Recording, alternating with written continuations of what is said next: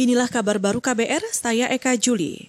Badan Kesehatan Dunia atau WHO meminta berbagai pihak meningkatkan pemahaman dan kesadaran masyarakat mengenai pentingnya pencegahan COVID-19 di lingkungan keluarga, terutama jika ditemukan ada keluarga yang positif terinfeksi virus corona.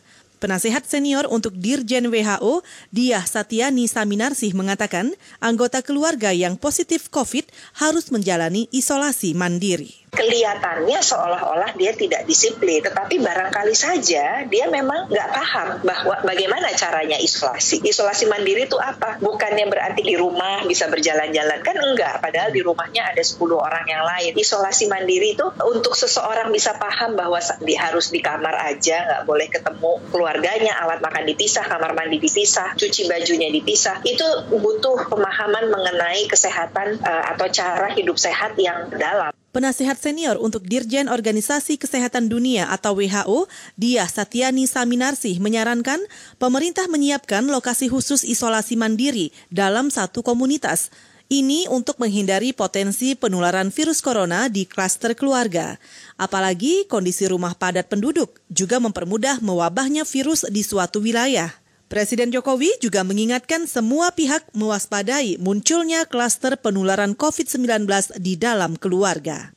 Kita ke Papua. Pemerintah Kota Jayapura bakal membuka kembali semua sekolah setingkat SMP setelah wilayah itu memperlakukan adaptasi baru sejak 3 September lalu.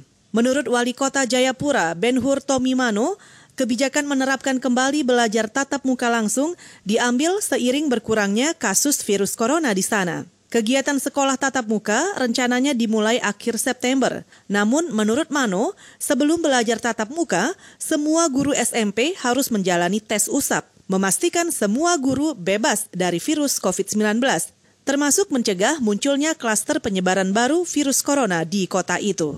Dalam minggu ketiga bulan September ini kita sudah punya update. Nanti kita lihat apakah uh, dua SIP dan sekolah bukan di ruangan tapi di luar dan semua guru-guru negeri dan swasta akan di swab dan tetap mengikuti protokol kesehatan yang ketat. Wali Kota Jayapura Benhur Tomi Mano menambahkan memerintahkan Dinas Pendidikan menyusun petunjuk teknis belajar secara tatap muka. Dinas terkait juga diperintahkan berkoordinasi dengan Satuan Tugas Penanganan COVID-19 setempat dan menyusun protokol kesehatan yang mesti dilaksanakan saat belajar langsung nanti. Kita ke mancanegara. Pemerintah Arab Saudi membatalkan hukuman mati atas lima tersangka kasus pembunuhan jurnalis pengkritik pemerintah Jamal Khashoggi. Mengutip AFP, Saudi tak menjabarkan lebih lanjut identitas para tersangka itu. Pemerintah Arab Saudi hanya menyatakan keputusan pembatalan hukuman mati itu sudah final. Sebelumnya, lima tersangka itu dijatuhi hukuman 20 tahun penjara dan tiga lainnya dipenjara 7 hingga 10 tahun. AFP memberitakan lima tersangka itu sebenarnya dijatuhi hukuman mati pada Desember 2019. Namun pada Mei lalu, Putra Kasogi menyatakan keluarganya sudah mengampuni para tersangka. Sejumlah ahli dari PBB menganggap pernyataan pengampunan dari keluarga Kasogi hanya parodi peradilan. Saudara, demikian kabar baru. Saya Eka Juli.